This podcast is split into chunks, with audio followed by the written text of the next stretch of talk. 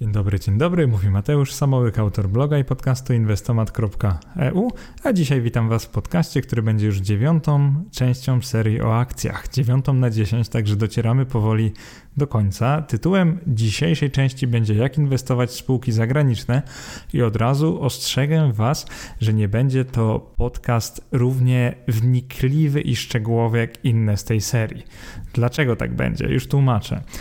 Pozwólcie mi przynajmniej się wytłumaczyć. Chodzi o to, że po pierwsze, tak na co dzień inwestuję głównie w spółki polskie, więc naturalnym było dla mnie, że większość serii było właśnie w spółkach polskich.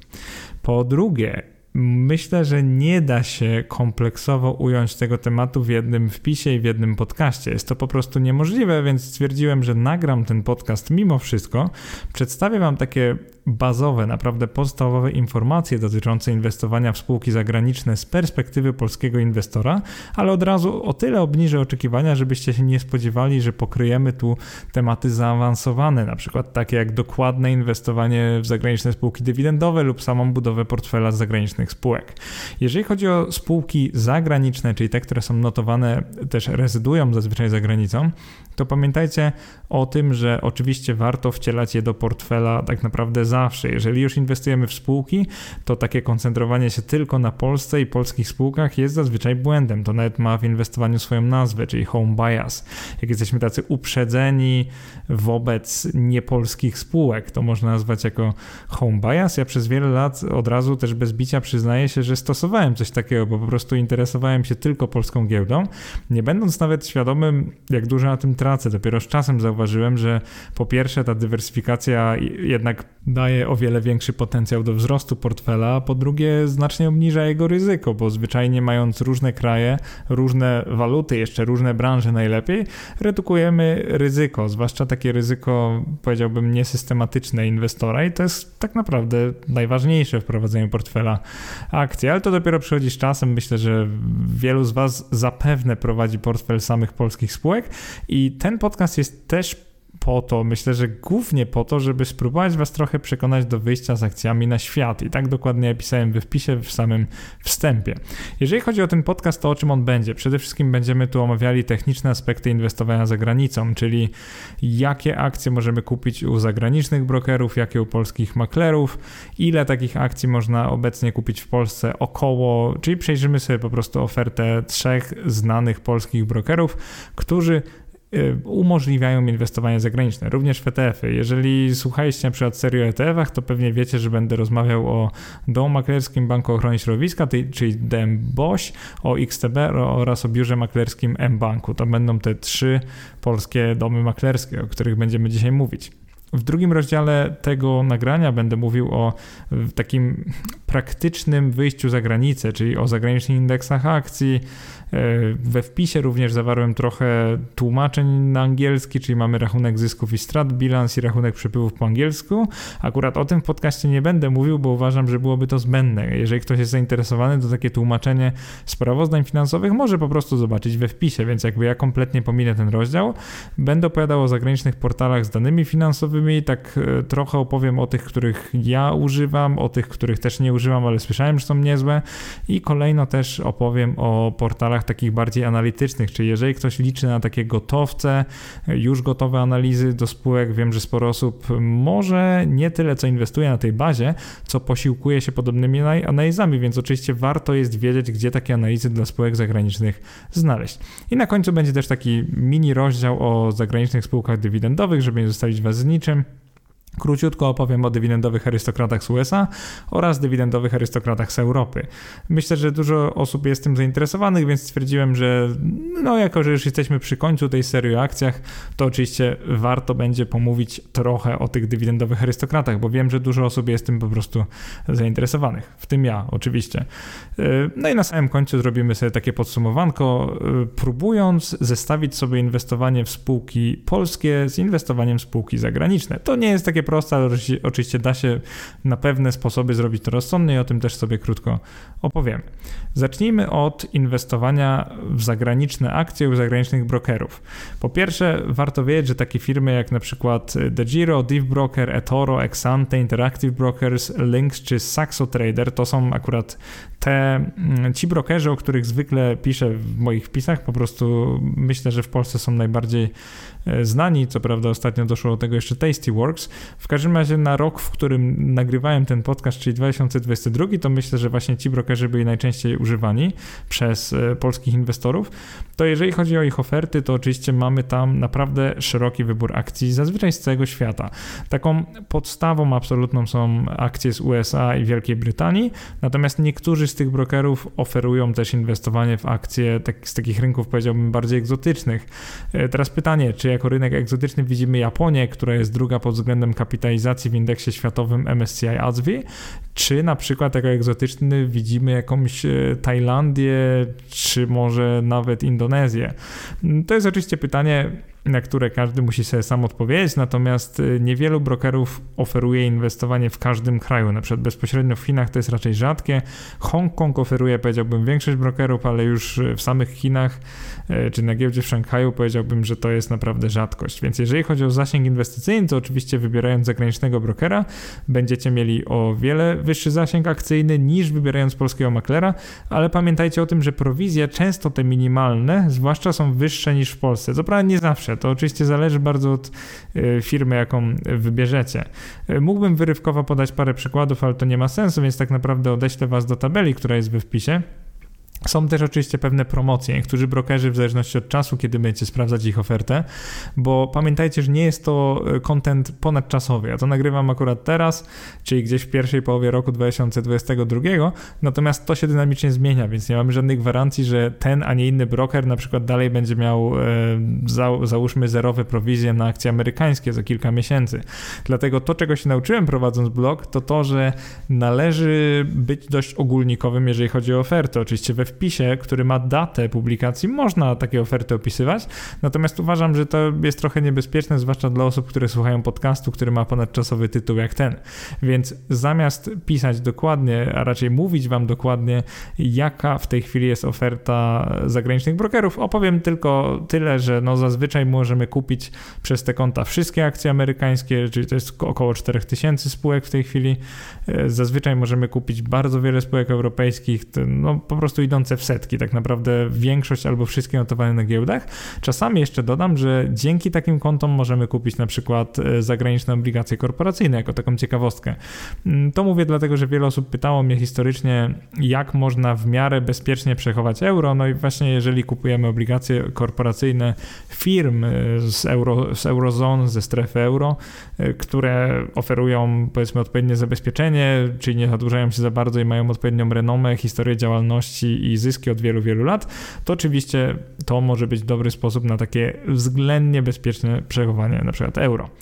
No ale dobra, wracamy do tematu akcje zagraniczne. Jeżeli chodzi o polskich maklerów, to ta oferta w tej chwili wygląda, powiedziałbym, coraz bardziej imponująco na dzień dzisiejszy. Akurat ten, to sprawdzenie robiłem jeszcze w grudniu 2021, podcast nagrywam już w roku 2022, ale na koniec 2021 roku y, najwięcej spółek zagranicznych oferowała właśnie Bossa, czyli dom maklerski Boś, było to ponad 4000, z czego około 3000 to były spółki amerykańskie.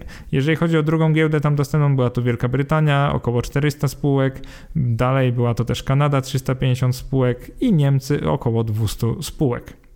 Jeżeli chodzi o tę ofertę, to jest ona bardzo imponująca, jak na Polskę, powiem szczerze, i nawet zdziwiłem się, gdy spytałem maklera o taki wykaz spółek, że jest ich tak wiele, ponieważ to opracowanie jest moje własne i powiem szczerze, że jeżeli w ofercie jakiegoś e, maklera czy brokera jest aż tak dużo spółek z danego rynku, no to powoli bym się spodziewał tego formularza W8B, żeby otrzymując dywidendy z Ameryki, z USA, e, żebyśmy nie płacili 30% podatku źródła, tylko żeby można było było zredukować to na 15%. Jeżeli chodzi o ofertę konkurencji, to drugie jest XTB. Tutaj też nie ma jakiegoś wielkiego zdziwienia. Spółek z USA mamy gdzieś o połowę mniej niż Bossa, e, z Wielkiej Brytanii podobnie. Następnie mamy różne egzotyczne rynki. Dlaczego mówię egzotyczne? Ponieważ akurat tam jest wiele spółek z takich rynków jak Hiszpania, Włochy, Szwecja, Norwegia, Finlandia czy Dania. I powiem szczerze, że inwestowanie w spółki przykład fińskie, duńskie lub norweskie faktycznie uważam za pewną egzotykę, jeżeli się jest Polakiem. Tak naprawdę nie spotkałem się z wieloma inwestorami, którzy to robią. Natomiast to jest właśnie specyfika tego brokera, że dzięki temu, że XTB jest jednak firmą no przede wszystkim skupiającą się na Forexie, na kontraktach i tak dalej, no to będzie czasami oferowało takie produkty, których się nie spodziewamy w ofercie, właśnie na przykład spółki szwedzkie, fińskie, duńskie czy norweskie, więc to niektórzy mogą uznać za plus, którzy akurat szukają takich spółek, niektórzy za minus, a jeszcze inni podejdą do tematu neutralnie. W tej chwili najmniej spółek zagranicznych ma mBank, było to, jeżeli chodzi o USA, 1500 spółek, jeżeli chodzi o inne rynki, łącznie około 300 i tu ciekawostka, że mBank ma głównie spółki niemieckie i trochę spółek brytyjskich. Tak naprawdę niewiele, bo około 99. Więc oferta mBanku, jeżeli chodzi o inwestowanie w spółki, a nie ETF-y zagraniczne, jest trochę skąpsza niż pewnie wiele osób mogło się, by się spodziewać. Natomiast tych spółek jest tak dużo, że jeżeli szukacie jakiejkolwiek dużej spółki z USA albo z Niemiec, no to najprawdopodobniej ona będzie w ofercie mBanku. Jeżeli chodzi o takie szczegóły, czyli byście chcieli zobaczyć dokładnie ile spółek z jakiego rynku jest u jakiego polskiego maklera, no to dom maklerski Boś właśnie na połowę grudnia roku 2021 posiadał, co ciekawe, głównie spółki z Nasdaqu. E, to było właśnie Nasdaq 1745 spółek, następnie Nyse 1335 spółek. Kolejno z Wielkiej Brytanii to jest po prostu London Stock Exchange 424 spółki, e, z Kanady trochę mniej 351, z Niemiec jeszcze mniej 219, no i kolejne te rynki to były Francja, Szwajcaria, Holandia i Belgia. I tak naprawdę są to tylko albo aż te rynki, ponieważ nie wiem jak wielu słuchaczy mojego podcastu akurat chciałoby inwestować bezpośrednio w spółki belgijskie. Tutaj podkreślę, że na przykład w serii o rejtach omawiałem kilka rejtów belgijskich albo holenderskich, więc na pewno znajdą się osoby, które chcą kupić e, akcje tych spółek, więc jako ciekawostkę tylko przedstawiam, że da się to zrobić właśnie u maklera Bossa. Jeżeli chodzi o XTB, no tu mamy zróżnicowanie rynkowe ogromne. Akurat XTB w specyfikacji nie mówi, na której giełdzie jest notowana spółka, więc wiem tylko, że w Stanach było to 1673 spółki, natomiast w Wielkiej Brytanii było to już 246, we Francji 148, w Niemczech 131, w Hiszpanii 92. Kolejne rynki to były Włochy, Szwecja, Holandia, Norwegia, Finlandia, Szwajcaria, Dania, Belgia i Portugalia. Prawie nie starczyło mi tchu, żeby to powiedzieć, więc ciekawostka jest taka, że XTB zawiera naprawdę kompleksy kompleksową ofertę, jeżeli chodzi o zróżnicowanie rynkowe. I bardzo często na XTB wobec tego znajdziemy spółki, których w mBanku i w Bossa po prostu nie ma. To taka ciekawostka, jeżeli ktoś chce inwestować za granicą. Jeżeli chodzi o ofertę akcji zagranicznych w mBanku, tutaj mamy taką bardzo podstawową ofertę, ponieważ właśnie to jest głównie NYSE i Nasdaq. Na NYSE mamy 750 około spółek, na Nasdaqu 560. Tyle mam na myśli mamy dostępnych w ofercie biura maklerskiego mBanku. Następnie spółek notowanych w Niemczech Niemczech 224, w Wielkiej Brytanii 97. I taka ciekawostka dotycząca oferty mBanku jest też taka, że mamy to tak zwane ADR i GDR. Jeżeli się nigdy nie spotkałeś lub nie spotkałaś z tymi pojęciami, to już tłumaczę o co chodzi. ADR, pełne rozwinięcie, to jest American Depository Receipt, natomiast GDR Global Depository Receipt. Po polsku są to po prostu kwity depozytowe. I teraz czym one są? To dość proste, ponieważ wystawia je bank lub inna instytucja finansowa, chcąca wprowadzić w sposób pośredni na dany rynek, na przykład na giełdę amerykańską, spółki z rynków na przykład wschodzących, czyli Brazylii, Polski czy Chin. I w tym przypadku oczywiście nie muszą być to rynki wschodzące, natomiast jeżeli to jest ADR, czyli ten American Depository Receipt, to oznacza to, że ta niby spółka jest notowana właśnie w Ameryce. Jeżeli to jest GDR, czyli po prostu Global Depository Receipt, może być notowany tak naprawdę gdziekolwiek, na przykład w Niemczech i w sposób pośredni, ponieważ te spółki stale są, one stale rezydują tam, gdzie rezydują, stale notowane są na, no, głównie na tych giełdach poszczególnych krajów, ale bank lub makler staje się tak jakby pośrednikiem, który umożliwia inwestorowi amerykańskiemu na przykład inwestycje w papier, który jakby porusza się jak kurs akcji oryginalnej spółki, ale jednak nim nie jest. I co ciekawe, ADR-y i GDR-y wypłacają dywidendy o wysokościach i stawkach podatku źródła, pamiętajcie, identycznych do oryginalnych papierów wartościowych. Biuro maklerskie mBanku ma w swojej ofercie w chwili, kiedy nagrywam te słowa, ponad 160 tego rodzaju certyfikatów. No i taka ciekawostka jest, że ADR i GDR y, umożliwiają inwestowanie właśnie w spółki, których nie ma na rynkach, którymi możemy być zainteresowani, tak jak na przykład Jinko Solar, LG czy Petroelo Brazil. Jeżeli chcielibyśmy akurat zainwestować w te spółki, to możemy to w mBanku robić za pomocą ADR-ów i GDR-ów. Jeżeli mam coś zdradzić, taką małą rzecz, to pewnie też mogliście kiedyś już usłyszeć w innym podcaście, to to, że ja inwestuję właśnie bezpośrednio w papiery niektórych spółek zagranicznych, akurat nie dywidendowych, bo nie chcę mi się bawić w rozliczanie. No i jak się pewnie spodziewacie, skoro przez większość mojego życia inwestycyjnego używałem tylko konta w banku, to się powoli zmienia, no to oczywiście miałem dostęp tylko do ADR-ów i GDR-ów, więc dokładnie w taki sposób e, dokonywałem tych inwestycji. Więc e, jakby nie, może polecam, to jest za dużo powiedziane, ale jeżeli ktoś chce poszerzyć, powiększyć swój zasięg inwestycyjny, to to jest jeden ze znanych mi sposobów i jakby sam oceniam go bardzo pozytywnie, przynajmniej póki co. E, drugi rozdział tego podcastu, czyli inwestycyjne wyjście za granicę, zacznijmy od zagranicznych indeksów akcji. Warto umieć się poruszać wśród amerykańskich indeksów. Powiedziałbym, że można też nauczyć się brytyjskich, bo dlaczego nie? I tak jak w polski indeks giełdowy, który zrzesza wszystkie spółki, nazywa się WIG, czyli Warszawski Indeks Giełdowy, to jego odpowiednik amerykański będzie się nazywał Wilshire 5000, czyli 5000. E, jeżeli chodzi o odpowiednik brytyjski, będzie to FTSE All Share. To jest po prostu indeks brytyjski, który ma za zadanie jakby śledzić wszystkie spółki notowane w Wielkiej Brytanii. Jeżeli weźmiemy największe spółki, to w Polsce jest to oczywiście WIG20. Jeżeli chodzi o Amerykę, to jest to oczywiście S&P 500 i tak naprawdę w tym podcaście mówiłem o tym prawdopodobnie już setki albo tysiące razy, więc pewnie wszyscy już to wiecie. Jeżeli chodzi o brytyjski indeks dużych spółek albo największych, jest to FTSE, FTSE 100, czyli 100. E, średnie spółki znajdziemy w MWIG 40, jeżeli chodzi o Polskę, jego odpowiednikiem jest S&P Mid Cap 400, czyli 400, natomiast brytyjskim odpowiednikiem jest FTSE 250, po prostu. Małe spółki znajdziemy u nas w SWIG 80, natomiast w Ameryce w indeksie Russell 2000, czyli 2000, a w Wielkiej Brytanii w FTSE Small Cap tak się nazywa po prostu small cap, czyli właśnie spółki o małej kapitalizacji, tak w tłumaczeniu na polski. Jeżeli chodzi o spółki technologiczne, dla przykładu, to u nas mamy na nie indeks WIGTech. Na, za oceanem, czyli w Ameryce, w Stanach Zjednoczonych mamy Nasdaq 100, czyli po prostu Nasdaq się pisze przez Q 100, e, natomiast w Wielkiej Brytanii mamy FTSE Techmark 100, także też setka spółek tutaj się akurat znalazła. To są takie wybrane indeksy. Chciałbym, żebyście się no, jak najlepiej, jak najbieglej poruszali wśród tych indeksów, bo dlaczego nie? Dzięki temu będzie trochę bardziej świadomie, prościej, szybciej inwestować na rynkach zagranicznych, więc dlaczego by się tego nie nauczyć? Kolejnym takim ciekawym, ale też prostym rozdziałem jest ten o zagranicznych portalach z danymi finansowymi. I choć w anglojęzycznym internecie portali z danymi finansowymi jest naprawdę mnóstwo, to większość z nich niestety jest płatna lub zawiera niepełne dane finansowe.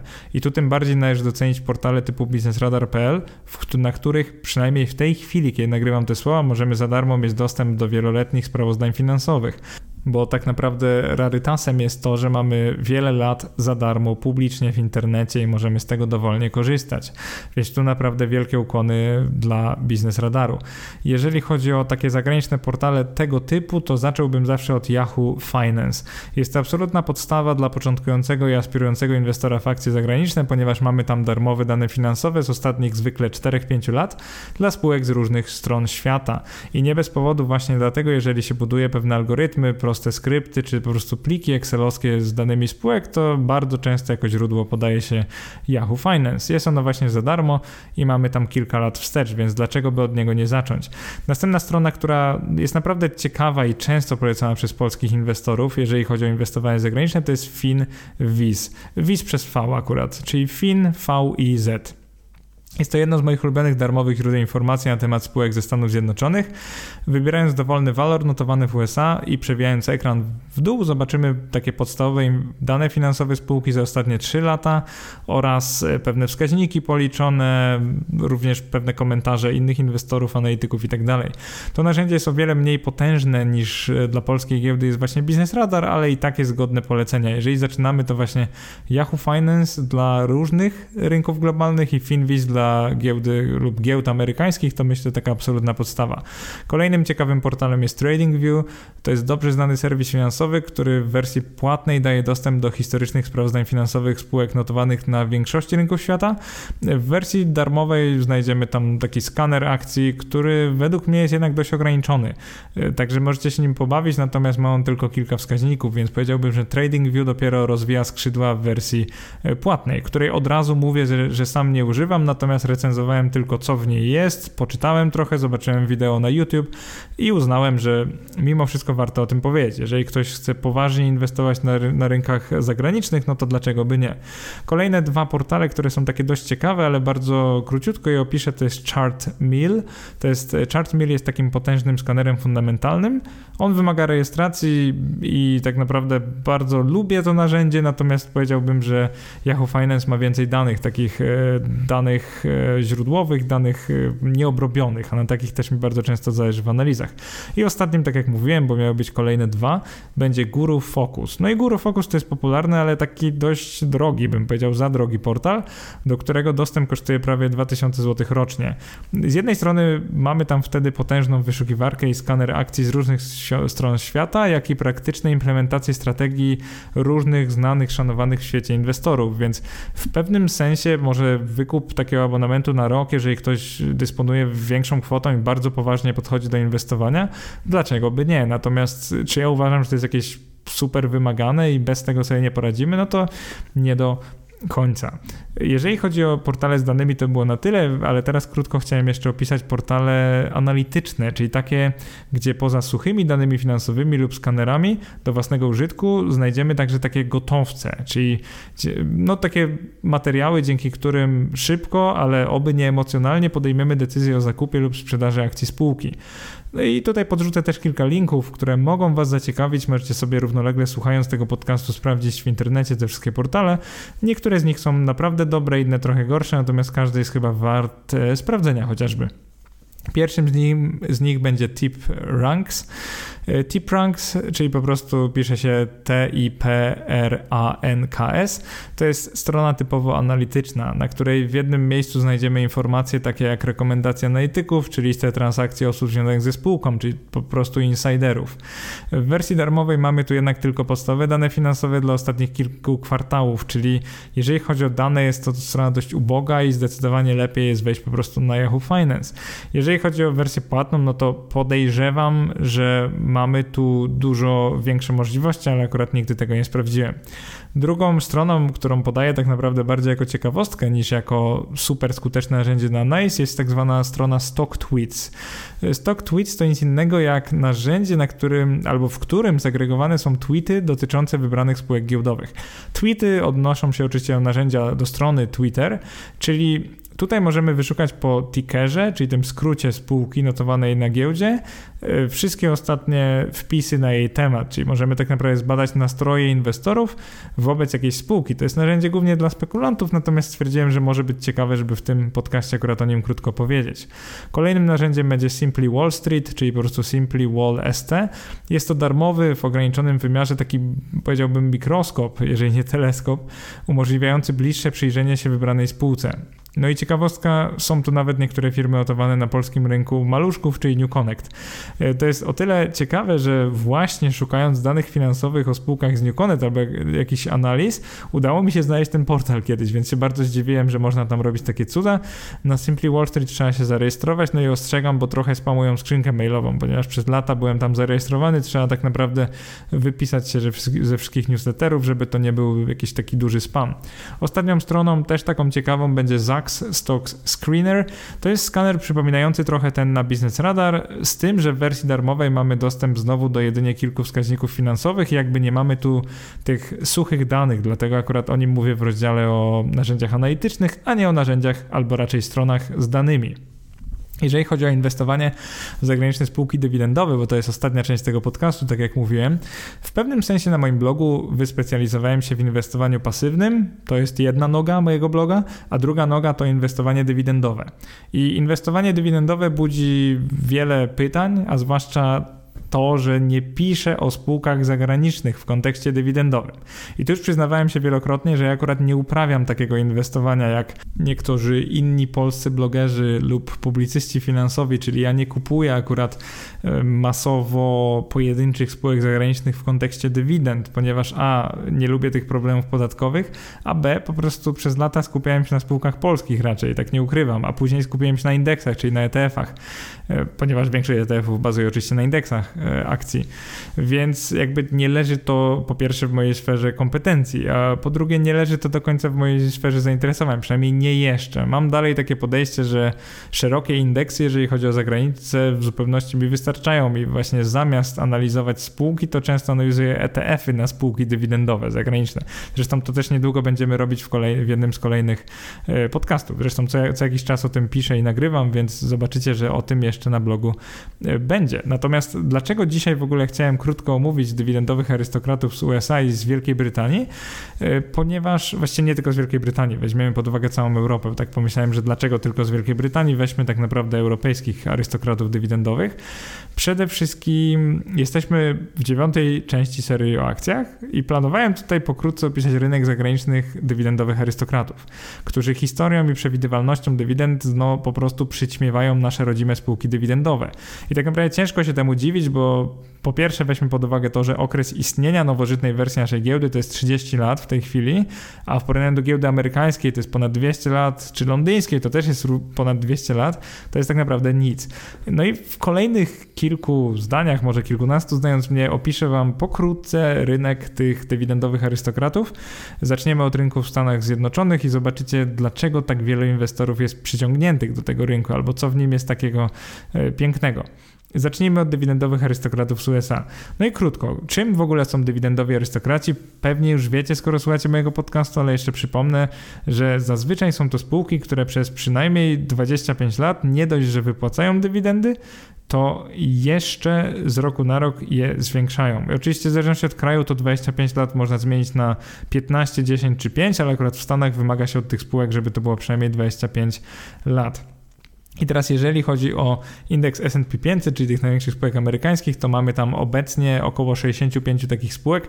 Mówię około, ponieważ to się mogło zmienić, natomiast na początku roku 2022 to właśnie w ten e, zaszczytny, taki elitarny indeks wchodziło 65 spółek.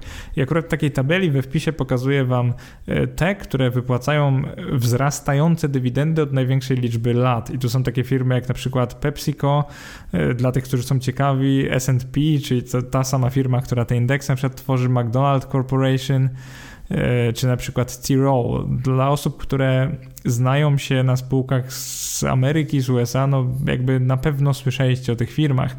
I teraz w tej tabeli akurat pokazałem przykładowe stopy dywidend brutto, pokazałem przykładowe stopy wypłaty dywidendy.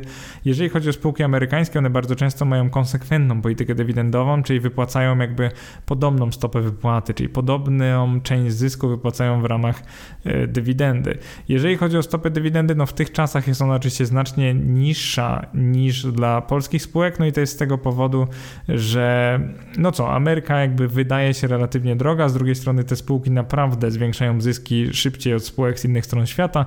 Można powiedzieć, że trochę zdominowały rynki światowe, więc to oczywiście nie mi sądzić, czy one są teraz drogie czy tanie. Taka odpowiedź na to pytanie już e, należy akurat do każdego z nas. Natomiast co jest ciekawe, to to, że mamy tutaj spółki, które od nawet 50 kilku lat, tak jak Target Corporation, 54 lata, nie dość, że płacą dywidendy, to jeszcze rok rocznie je zwiększają, to to jeszcze ta bieżąca stopa dywidendy wynosi około tam półtora, więc nie jest tak źle. To jest dość nisko, ale to nie jest tak źle. Jeżeli możemy liczyć na nominalny wzrost, a jeżeli ta firma od 50 kilku lat e, wypłaca coraz więcej, to oczywiście możemy się spodziewać, że taki trend będzie kontynuowany, a przynajmniej możemy tak zgadywać, że przynajmniej ona zrobi wszystko, żeby wypłacać dalej tak wysokie dywidendy. Wysokie wobec zysku, ale też wysokie wobec obecnej ceny. No i przede wszystkim pamiętajcie, że w inwestowaniu dywidendowym chodzi przede wszystkim o to, żeby ta dywidenda nominalnie rosła z roku na rok, a nie o to, żeby w danym momencie kupić spółkę, która na przykład wypłaci 5% dywidendę wobec jej ceny akcji, ponieważ takie zjawisko na rynkach rozwiniętych mamy bardzo rzadko, akurat w Polsce to jest dość częste, natomiast na rynkach rozwiniętych no próżno się tego spodziewać. Więc jako, jeszcze jako ciekawostkę, e, mnóstwo firm, które wypłacają dywidendy od 35 nawet do 50 kilku lat i jeszcze te dywidendy rosną e, z roku na rok, co jest naprawdę imponujące.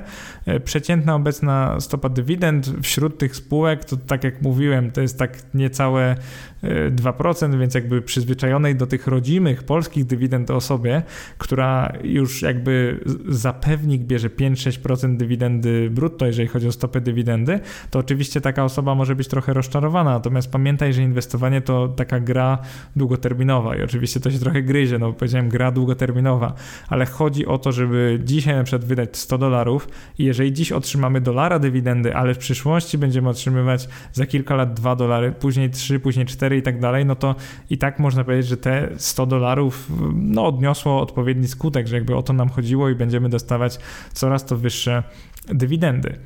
Yy, warto zauważyć, że w Stanach Zjednoczonych, a przynajmniej wśród tych arystokratów, przeciętna stopa wypłaty dywidendy, czyli właśnie dividend payout ratio, DPR, to jest to, ile procent zysku netto spółka przeznacza na dywidendę. Jest tutaj relatywnie wysoka. Już nawet na oko widać, że wynosiło ono w tym okresie, który akurat tu w tabeli przedstawiam, około 40%. E, myślę, że to jest podobnie jak w Polsce, oczywiście zależy, które spółki weźmiemy do zestawienia. Natomiast jakoś mnie to nie szokuje, to jest taka dość porządna dywidenda, 40% zysku. Natomiast też znajdziemy pojedyncze spółki, które na dywidendy przeznaczają nawet 90% swojego zysku, tak jako taką ciekawostkę ciekawostkę, czyli mają te polityki dywidendowe, powiedziałbym, bardzo solidne, a wręcz żelazne. Jeżeli chodzi o arystokratów dywidendowych z Europy, no to tutaj oczywiście też mamy kilkadziesiąt spółek, które wypłacają dywidendy nie dość, że od wielu lat, to jeszcze one rosną od wielu lat. Wśród europejskich takich dywidendowych czempionów, arystokratów znajdziemy firmy takie jak Nestle, Unilever, e, Total, L'Oreal na przykład, czy Henkel, a nawet Philips, więc jakby podejrzewam, że każdy z nas albo większość z nas rozpozna przynajmniej część tych firm. I jako ciekawostkę podam, że jeżeli chodzi o częstotliwość wypłat, mamy tu spółki, które wypłacają dywidendy co kwartał, co pół roku albo co roku, także różna częstotliwość. Stopa dywidendy jest równie zróżnicowana, natomiast na pierwszy rzut oka widać, że wobec swoich dywidend te spółki są trochę tańsze niż ich odpowiednicy z oceanu, czyli one średnio tak wypłacają nawet ponad 2%, 2,5% dywidendy, co się jakby od razu rzuca w oczy, zwłaszcza w tym momencie. Jeżeli chodzi o lata dywidend, widać tu też pewną tradycję. Tutaj akurat y, podaję nie lata wzrostu, a lata wypłaty dywidendy. Także przygotowując tę tabelę, nie skupiałem się akurat na tym, czy te dywidendy już rosły z roku na rok, po prostu skupiałem się na tym, żeby przez wiele, wiele lat, przynajmniej dwadzieścia kilka, firmy dywidendy wypłacały. Jeżeli chodzi o inwestorów dywidendowych, no to co, co ja tutaj myślę? Przede wszystkim uważam, że wielu z nich koncentruje się na przykład tylko na Stanach Zjednoczonych. Ja bym tak w życiu nie robił, ponieważ y, no podobnie jak kiedyś było z Japonią, nie, nie mamy pewności, że Stany dalej będą dominować na globalnych rynkach, nie tylko rynkach akcji, ale mam na myśli gospodarczo, więc dla mnie taki roztropny inwestor powinien mieć przynajmniej trochę spółek z innych krajów, więc na przykład Niemiec, Wielkiej Brytanii, Francji, a także rynków wschodzących, więc uważam, że taki kompletny inwestor y, dywidendowy powinien skupić się oczywiście zwłaszcza zwłaszcza na Stanach, ale nie tylko na Stanach, więc uważam, że podejście takie, że przeglądamy również rynki londyński, paryski, frankfurski czy amsterdamski, uważam, że jest dużo bardziej dojrzałe niż takie, że zostajemy w Ameryce albo na przykład w samej Polsce, czyli tak jak ja przez lata robiłem z tym moim takim powiedziałbym słynnym home biasem, jest dużo bardziej dojrzałe i po prostu roztropniejsze, więc uważam, że powinno się dywersyfikować kraje spółek, ale i branże spółek, więc powinniśmy ich pewnie mieć przynajmniej kilkanaście, żeby nie koncentrować się tylko na jednym kraju, jednej gospodarce, albo na przykład jednej walucie lub jednej branży, ponieważ to zwykle kończy się dla inwestora o tyle źle, że jeżeli cokolwiek źle się będzie działo z tym krajem albo z tą branżą, no to wiadomo jak skończymy. I na sam koniec, jeżeli chodzi o mądre takie mieszanie spółek dywidendowych polskich i zagranicznych, to tutaj polecam takie podejście, Przede wszystkim osobie młodej, która ma dużo czasu na inwestowanie aktywne, a dodatkowo wysoką tolerancję na ryzyko, ze względu na bardzo długi, zwykle przynajmniej 25-letni horyzont inwestycyjny.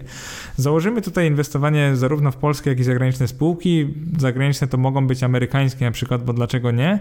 I zrobimy tak, że uzupełnimy tylko portfel innymi rynkami i walutami za pomocą ETF-ów, czyli zrobimy tak, że wybieramy sobie polskie spółki dywidendowe, zwykle to będzie do 10, wybieramy amerykańskie spółki dywidendowe też do 10, no i to jest taki rdzeń naszego portfela, natomiast uzupełniamy go na przykład ETF-em dywidendowym na inne rynki, na przykład na rynki wschodzące albo na inne rynki europejskie. Jest to tyle dobry pomysł, że dzięki temu mamy duży zasięg inwestycyjny i możemy pośrednio zainwestować w spółki dywidendowe z innych rynków, ale mamy mniej roboty z rozliczaniem dywidend i nie musimy selekcjonować poszczególnych spółek z tych rynków, na przykład wschodzących. Natomiast dlaczego koncentrować się na konkretnych spółkach polskich, amerykańskich? Tak naprawdę na to pytanie musisz odpowiedzieć sobie sam lub sama. To nie jest tak, że to jest lepsze od ETF-ów, natomiast dzięki temu możecie na przykład sterować tym, na jakich kontach macie jakieś spółki, możecie sterować tym, czy właśnie wybieracie raczej wzrastające dywidendy, czy chcecie mieć e, w tej chwili dużą stabilność, historię dywidend, taką pewność, że one będą, czy na przykład chcecie jakoś to zmiksować. I zwykle taki portfel pozwoli Wam po pierwsze mieć różne waluty, po drugie możecie mieć na przykład maksymalnie 20 kilka instrumentów, macie wszystkie rynki świata i dywidendy, które spływają zwykle e, no minimum co kwartał, powiedziałbym, nawet dla tych ETF-ów. E, a co bardzo ważne, przynajmniej dla mnie, to to, że możecie sobie regulować między Polską a Ameryką i obecność walut i tą stabilność, czyli te amerykańskie spółki dywidendowe przyniosą Wam stabilizację dywidend, natomiast te polskie przyniosą raczej potencjał do wzrostu oraz to, że jest tam złoty, czyli rodzima waluta. Uważam, że takie połączenie może wcale nie wyjść inwestorowi na złe. Myślę, że wyjdzie wręcz na dobre. I teraz y, co uzyskamy dzięki tam, takiemu podejściu? Przede wszystkim możemy prowadzić y, ta, takie inwestowanie za pomocą dwóch kont. I pomimo braku obecnie polskiego maklera, który umożliwia prowadzenie kont IGZE oraz złożenie formularza W8BN, który redukuje podatek od dywidendy u źródła z 30 do 15% właśnie w Ameryce, możemy prowadzić ten portfel za pomocą dwóch kont. I pierwszym z nich będzie zagraniczne konto brokerskie, na którym skupimy się na akcjach spółek amerykańskich, no i tam właśnie składamy W8BN i ze względu na zwykle niższe prowizje na tym rynku wybieramy właśnie to konto do spółek amerykańskich.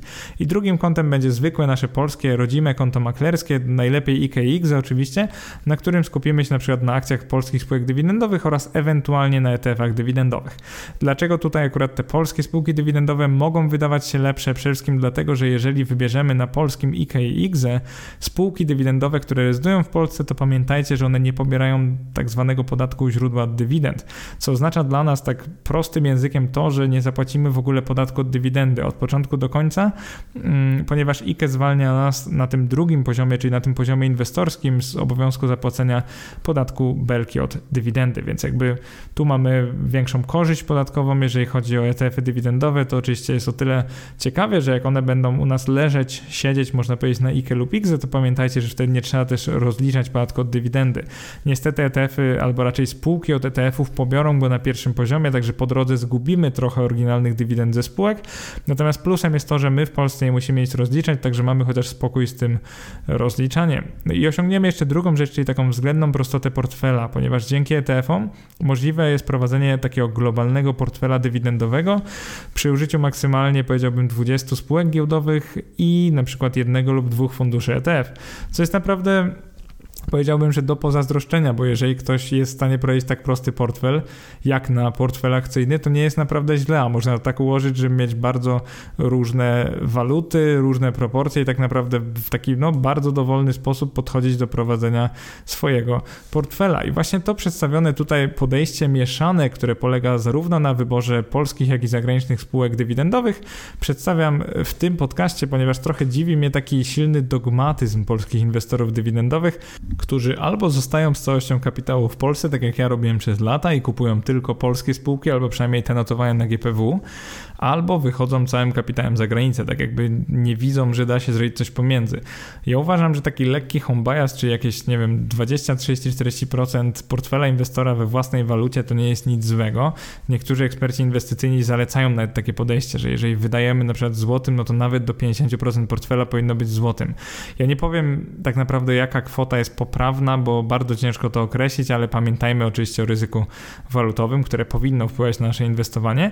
Natomiast według mnie ten silny dogmatyzm, że musimy wybrać albo polskie spółki dywidendowe, albo te zagraniczne, no nie ma po prostu sensu. Ja nie widzę żadnego powodu, dla którego miałbym wybierać tylko jedno z dwóch, jeżeli można mieć, e, jak to Warren Buffett mówi, e, too much of a good thing. Jeżeli możemy wybrać najlepsze polskie spółki dywidendowe, jeszcze do tego dołożyć najlepsze zagraniczne i tym samym sterując w pewnym sensie i wzrostem dywidend, i tymi oczekiwaniami, czy my dostaniemy w tym roku 2% dywidendy brutto, czy na przykład 4% dywidendy brutto. Bo właśnie w inwestowaniu dywidendowym powiedziałbym, że najpiękniejsze jest to, że my w pewnym sensie możemy sobie wybrać, czy nasz portfel ma teraz i co roku wypłacać wysoką dywidendę, czy, czy ta dywidenda na przykład ma rosnąć. Bo jeżeli ma rosnąć, to możemy zacząć od portfela, który wypłaci 1% dywidendy, a za x lat wobec ceny, po której go zbudowaliśmy dzisiaj, możemy na przykład mieć 15% dywidendy brutto.